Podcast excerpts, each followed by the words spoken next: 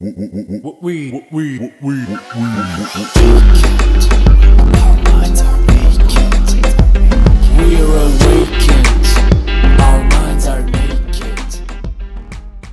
svima, ja sam Martina Đokić, a vi slušate podcast Mentalni nudista.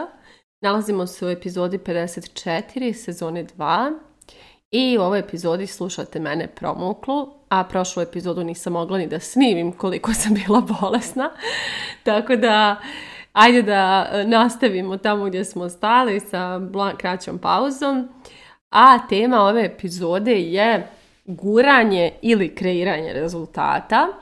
odnosno na neki način prevedeno nekim razumljivim jezikom, da li radite teško, naporno ili radite pametno, odnosno kako uopšte razaznati šta je o to dvoje e,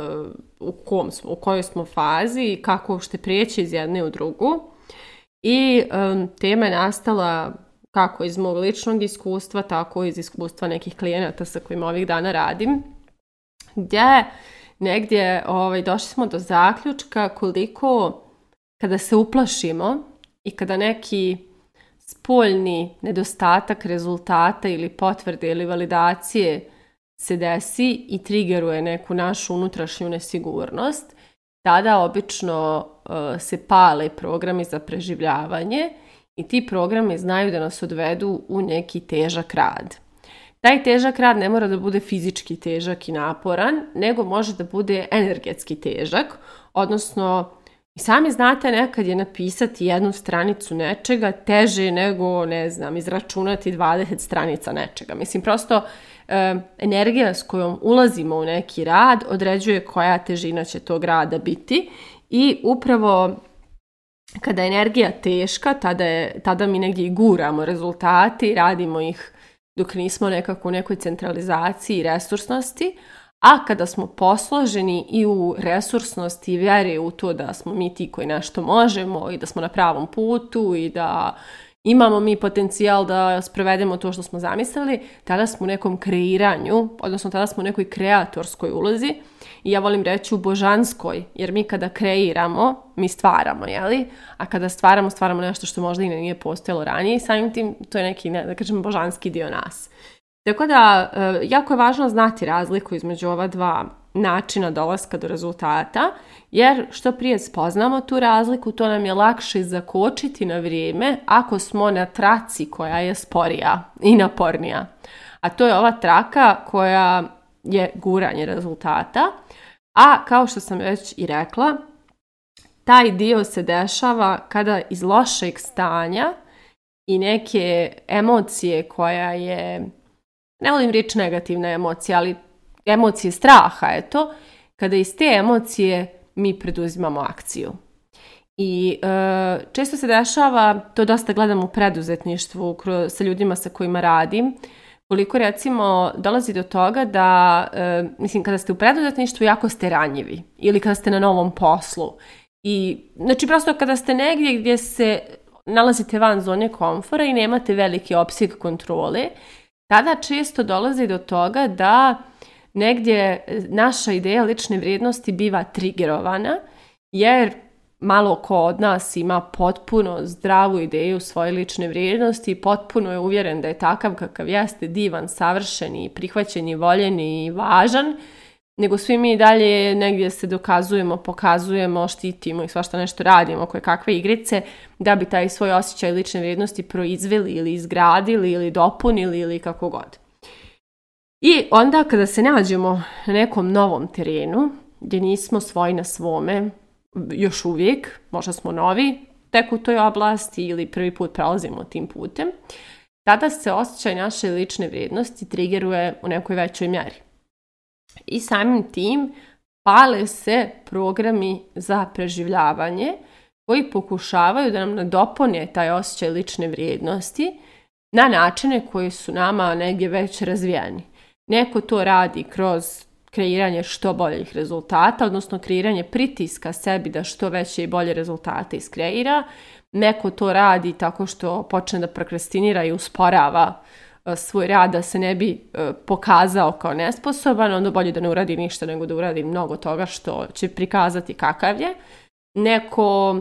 preuzima previše posla na sebe i tuđeg i svog da bi ljudi rekli da je dobar, neko ne znam ja sad, svako ima neke svoje igrice, jeli sad da ne nabrajam svaku, ali suštine, ljudi krenu da ulaze u svoje mehanizme za preživljavanje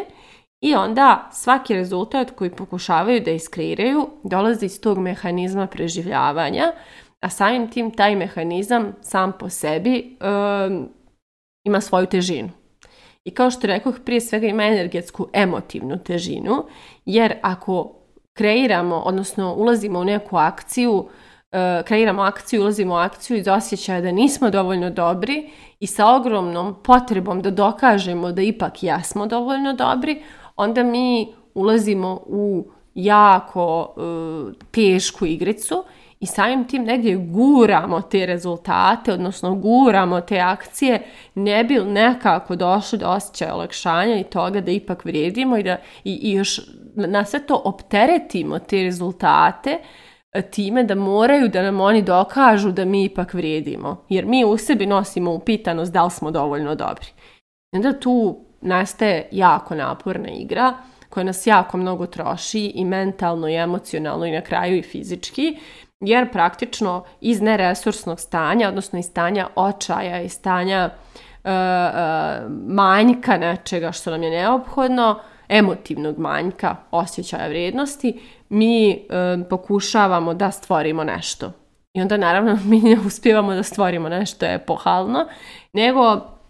s mnogo truda i mnogo energije stvaramo nešto malo, ali čak i ako stvorimo nešto veliko, važno ili kako god zapaženo, mi smo toliko umorni, iscrpljeni u burnoutu da ono ne možemo ni da uživamo u rezultatima stvorenog, jer smo eto nekako uspjeli samo da dotjeramo do toga da se taj naš osjećaj manje vrijednosti izniveliše, odnosno umanji, ali ne i da nestane. I da kažem, mnogo smo se potrošili zdravstveno da bismo taj osjećaj ukinuli. E onda e, kada pogledamo drugu stranu medalje, odnosno taj dio kreiranja iz resursnosti, to je ono što se dešava kada radimo nešto jer smo inspirisani i radimo to iz osjećaja da to nešto nas ne definiše u potpunosti. Odnosno, čak i kada pogrešimo u tome ili ne uradimo to dovoljno dobro, to neće govoriti o tome da li smo mi dovoljno dobri ili da li smo mi dovoljno sposobni. I samim tim, pošto smo rasteretili to što stvaramo od toga da to mora da dokaže da mi vrijedimo i da smo mi dovoljno važni, Samim tim to nešto možemo da radimo iz veće lakoće, inspiracije, opuštenosti, floa i samim tim to nešto se kreira i dolazi iz lakše energije.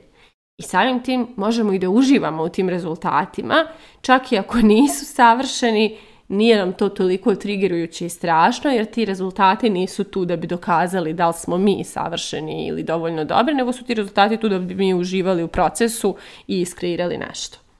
I sad kada sve ovo ovaj, onako uporedimo, to guranje pa onda vamo kreiranje, jasno vam je da kad se osvrnete oko sebe, jako mnogo ljudi u guranju. U guranju ostanka u, ne znam, braku koji je jako toksičan da bi time nekako izgurali osjećaj da su ipak uspjeli da urade nešto u životu i da nisu promašili brak. Pa guranju da, ne znam, na nekom poslu ili poziciji se snađu i ostanu, da bi e, ispalo da su ipak dorasli toj poziciji ili tom poslu, jer ako odustanu ili ne, ono, ne prestanu da rade tu, ispašće da možda nisu dovoljno dobri i samim tim da su pobjegli jer nisu dorasli tome. E, u guranju da ne znam e, izgledaju na određeni način zato što ako slučajno ne izdvoje vrijeme da izgledaju na način na koji izgledaju, ti ljudi onda e, će čitavu svoj imidž dovesti u pitanje i čitavu svoju sliku koju su izgradili, a koju ljudi vrednuju i samim tim će ispasti da možda ipak ne vrijede toliko i tako dalje i tako dalje. Samim tim, uh, jako je tužno biti toga svjasten i shvatiti koliko ljudi konstantno nosi neku masku iza koje se grije ogromna količina energije tog guranja, ne bi ta maska nekako zamaskirala osjećaj niže vrijednosti i dovela do osjećaja više vrijednosti. Često ta maska zapravo ne postiže ništa od toga, jer s jedne strane možda za druge uspije malo da zamaskira taj osjećaj niže vrijednosti, ali za samog nosioca te maske e, koji taj, taj neko mora potroši mnogo energije da bi izigravao to nešto, odnosno da bi izgurao te rezultate, ali u dubin, duboko u sebi, interno i dalje postoji taj glas koji sumnja i taj glas koji preispituje vrijednost te osobe. E,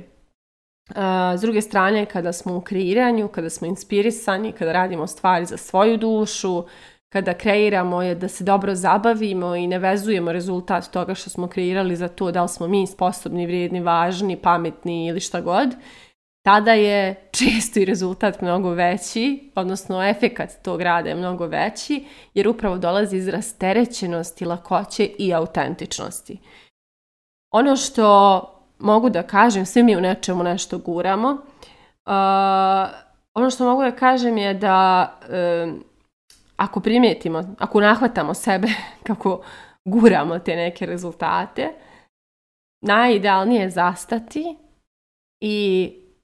oti, potražiti pomoć, poraditi s nekim na tome da se pozabavimo pravim uzrokom tog ponašanja, odnosno tim svojim nesigurnostima, strahovima, imposter sindromom i svim i svačim.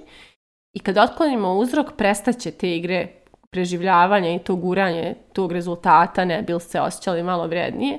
I što prije prevaziđemo to, to prije možemo i da se dočepamo ove autentične verzije nas koja stvara stvari iz lakoće, odnosno kreira. Tako da ovaj, kao što rekoh, svi mi u nečemu guramo rezultate i pravimo neke, neke verzije nas koje će biti malo voljenije nego što vjerujemo da su ove naše prave verzije. I samim tim, kao što rekoh, što prije osvijestimo to, e, tu je važnije da protražimo pomoć, da bi prosto prestali da toliko suludo trošimo svoju energiju na nešto što čak ni nije rešenje pravog problema, a to je problem sa osjećajem lične vrijednosti. Mi samo zapravo prefarbavamo stalno isto mjesto, a ono stalno ponovo izlazi na vidjelo i vidi se da, e, da, da je to na tom mjestu nešto napuklo, jel? Tako da, moje pitanje za kraj ove epizode je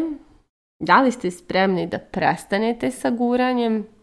ili ćete i dalje da trošite svoju energiju na nešto što čak i ne rešava problem. Mislite o tome, a mi se družimo u narednoj epizodi.